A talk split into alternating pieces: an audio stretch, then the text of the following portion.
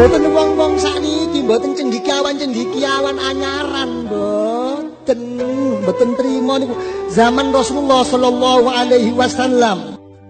Wekdal Kanjeng Nabi melampah kalian setunggalipun sahabat ana wong zikir banter la ilaha illallah la ilaha illallah.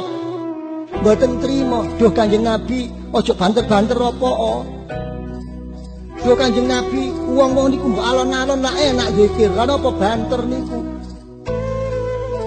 Niki riak kanjeng Nabi. Hijab kali kanjeng. Da'hu. Fa innahu awwah. Ojo melok-melok. Tinggalan iku uang-uang sing ketarik menyang Gusti Allah iki. Jadi mulai biyen niku kon enten wong musi wong zikir niku. Kon biasa kan masa lalu